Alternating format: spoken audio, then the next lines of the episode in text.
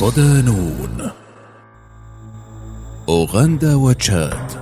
الإغراءات المالية في مقابل تجنيد بيادق لأبناء زايد. مقال لفريق التحرير. ضمن ملف مرتزقة أبناء زايد. كان انسحاب بعض الدول من تحالف دعم الشرعية في اليمن كالمغرب وقطر وتقليل تمثيل بعض الدول الأخرى من بينها مصر. دافعا قويا لتكثيف أبو ظبي والرياض جهودهما للاستعانة بالمرتزقة الأفارقة لتعويض النقص المترتب على هذه الهزة في جسد التحالف. وكانت تشاد وأوغندا في مقدمة الدول التي هرولت إليها الدولتان الخليجيتان للحصول على خدمات مرتزقيها للمشاركة جنبا إلى جنب القوات الرسمية المشاركة في اليمن التي تعرضت لأزمات مع مرور الوقت بسبب انسحاب عدد كبير منها ليحتل المرتزقة النصيب الأكبر من ساحة المعركة. ومنذ العام 2018 بدأ المئات من مرتزقة البلدين الإفريقيين في النزوح إلى اليمن وفق اتفاقيات رسمية وغير رسمية وذلك مقابل الحصول على امتيازات ومنح مادية كبيرة لهم ولحكومات بلدانهم كما أشارت العديد من وسائل الإعلام الأجنبية. وفي الحلقة الثالثة من ملف مرتزقة أبناء زايد نستعرض استعانة أبو ظبي بآلاف المرتزقة الأفارقة من أوغندا وتشاد وجنوب إفريقيا وكيف تحول المقاتلون في تلك الدول إلى سلعة تباع وتشترى؟ لأجل تحقيق أطماع محمد بن زايد وأشقائه في القارة السمراء واليمن. مرتزقة أوغندا وتشاد. في السادس عشر من أبريل نيسان 2018 نشر موقع عربي 21 تقريرا نقل فيه عن مصدر يمني عزم ولي عهد أبو ظبي محمد بن زايد زيارة أوغندا لتوقيع عدد من الاتفاقيات مع الرئيس يوري موسيفيني. من بينها اتفاقية تلتزم فيها أوغندا بتأمين عشرة آلاف مقاتل أوغندي. يكون ألفان منهم في الصومال على أن يتم إرسال البقية إلى اليمن لدعم القوات الإماراتية. الموقع كشف أن لجوء أبو ظبي لمرتزقة أوغندا يأتي تحسبا لسحب السودان قواتها المشاركة في التحالف العربي باليمن لافتا في الوقت ذاته إلى تخوف سعودي من التحركات الإماراتية في الأراضي اليمنية. لا سيما أن الاتفاقية مع أوغندا كانت بعيدة عن أعين الجانب السعودي. السيناريو ذاته كررته أبو ظبي مع تشاد حيث استعانت بمئات المرتزقة من المقاتلين أصحاب الخبرات وإن كانت لهم مهام خاصة بعيدا عن معارك القتال في اليمن وهو ما كشفته جبهة الوفاق من أجل التغيير التشادية حين كشفت في ديسمبر 2016 أن عدد مقاتليها في ليبيا بلغ 700 مقاتل وإن كانت الأمم المتحدة تذهب إلى أن الرقم الفعلي يتراوح بين ألف وألف وخمسمائة مقاتل. أما مرتزقة جنوب إفريقيا فكانت تستعين بهم أبو ظبي لتعزيز القدرات القتالية للمرتزقة الكولومبيين والأفارقة. فكانوا يأتون كمدربين في ضوء ما يتمتعون به من خبرات قتالية كبيرة حيث خاضوا معارك وحروب ضارية ساهمت بشكل كبير في زيادة تأهيلهم العسكري حتى باتوا مقصدا للعديد من حكومات العالم. وفي تقرير لمجلة Military Watch Magazine في يونيو 2018 كشف حصول عدد من الدول الأفريقية في مقدمتها تشاد وأوغندا على مبالغ مالية طائلة من الدولتين النفطيتين الغنيتين نظير إرسال مرتزقة لها للحرب في اليمن وليبيا. وبات من الواضح أن المال السياسي والتبرع السخي لفقراء إفريقيا وحكوماتها بات النهج الأكثر استخداما من أبناء زايد للحصول على خدمات الجيوش النظامية والمرتزقة لدى دول القارة مستغلة بذلك ما يعانون منه من فقر شديد وتراجع في مستوياتهم الاقتصادية جعلتهم يقدمون إرادتهم السياسية واستقلالهم العسكري سلعة لمن يدفع الثمن. أزمة دبلوماسية. حالة من الجدل أثارها الحديث عن اتفاقيات أمنية بين أبو ظبي وكمبالا بمقتضاها يذهب عشرة آلاف مرتزق للقتال إما جنبا إلى جنب أو نيابة عن الجنود الإماراتيين في اليمن مقابل المال. ما زاد من وتيرة الاحتقان داخل الشارع الأوغندي ضد النظام بقيادة موسيفيني.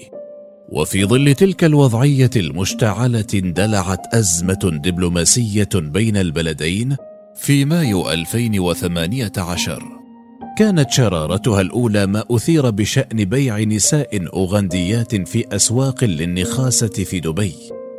وهو ما دفع البرلمان الأوغندي لتشكيل لجنة تحقيق عاجلة لبحث تلك الادعاءات فيما التزمت أبو ظبي الصمت. وعلى الفور استدعت أوغندا سفيرها في الإمارات نيميشا مدهفاني للتشاور في هذه المسألة التي أثارت حفيظة الأوغنديين بشكل كبير.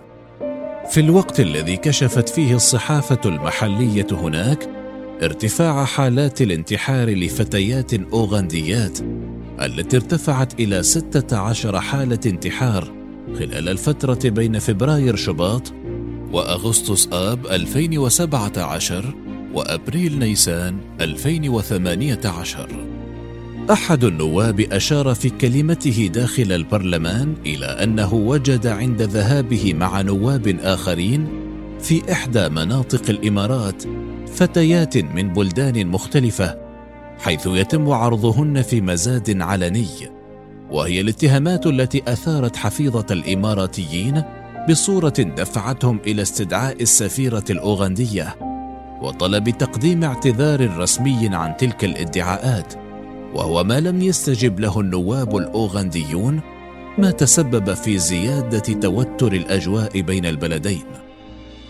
النائب الأوغندي روبرت كافيرو كشف أن الإمارات هددت بوقف إصدار تأشيرات الدخول إلى بلادها مع إعادة النظر في العلاقات الاقتصادية بين البلدين وهي التحذيرات التي اعتبرها نواب الدولة الإفريقية ابتزازا غير مقبول. ما اضطر معه رئيس الدولة للتدخل بنفسه لتلطيف الأجواء بين بلاده والدولة الخليجية. المال السياسي. لطالما توظف الإمارات مالها السياسي لخدمة أهداف أبناء زايد التوسعية وتلبية لأطماعهم في توسيع دائرة نفوذهم الإقليمي والقاري بما يسمح لهم بمزاحمة الكبار في الشرق الأوسط عازفة في ذلك على وتر العوز والحاجة التي تشهدها الدول الفقيرة. وما كان في مقدور أبو ظبي أن تستقدم المرتزقة من دول إفريقيا دون تقديم الإغراء المالي الذي يعوض تلك الدول الفقيرة عن تبعات تقديم أرواح أبنائهم فدية لأهواء السلطات الحاكمة في الإمارات. وهو ما توثقه وبصورة واضحة خريطة العلاقات الاقتصادية بين الإمارة الخليجية ودول القارة. فخلال الأعوام الأخيرة نمت التجارة بين أوغندا والإمارات بشكل متسارع حيث بلغ إجمالي التبادل التجاري مع نهاية 2017 بين الشارقه وأوغندا ملياري درهم. فيما أبرمت عشرات الاتفاقيات الاقتصادية بين البلدين في عدد من المجالات الزراعية والتجارية فضلا عن التعاون العسكري. كما دعمت أبو ظبي خطة التنمية الوطنية لجمهورية تشاد للأعوام 2017 2021 وتخصيص 150 مليون دولار العام الماضي عبر صندوق أبو ظبي للتنمية لدعم هذه الخطة وهو ما أثنت عليه الحكومة التشادية التي أعفت مواطني الإمارات من تأشيرة الدخول. كما قفزت العلاقات الاقتصادية بين الإمارات وجنوب إفريقيا قفزات كبيرة خاصة خلال السنوات الثلاث الماضية حيث ارتفعت قيمة التبادل التجاري غير النفطي بين البلدين من 9.3 مليارات درهم في 2016 إلى 14.1 مليار درهم عام 2018 بزيادة 4.8 مليارات درهم وبنسبة نمو 51.6% فيما ارتفعت قيمة تجارة المناطق الحرة بين البلدين خلال الفترة نفسها من ملياري درهم إلى 3.3 مليار بنسبة نمو 64% وفي الإطار ذاته ارتفعت قيمة تجارة إعادة التصدير من 1.67 مليار درهم عام 2016 إلى 2.3 مليار عام 2018 بنسبة نمو 38% وارتفعت قيمة التجارة المباشرة بين البلدين من 7 مليارات فاصلة ثلاثة إلى 10 مليارات فاصلة سبعة بزيادة 3 مليارات درهم فاصلة أربعة وبنسبة 46.6% وفي المجمل فقد أسالت المهارات والخبرات القتالية للجنود الأفارقة لعاب الإماراتيين ممن سارعوا للحصول على خدماتهم في مشروعاتهم التوسعية سواء داخل اليمن أم ليبيا.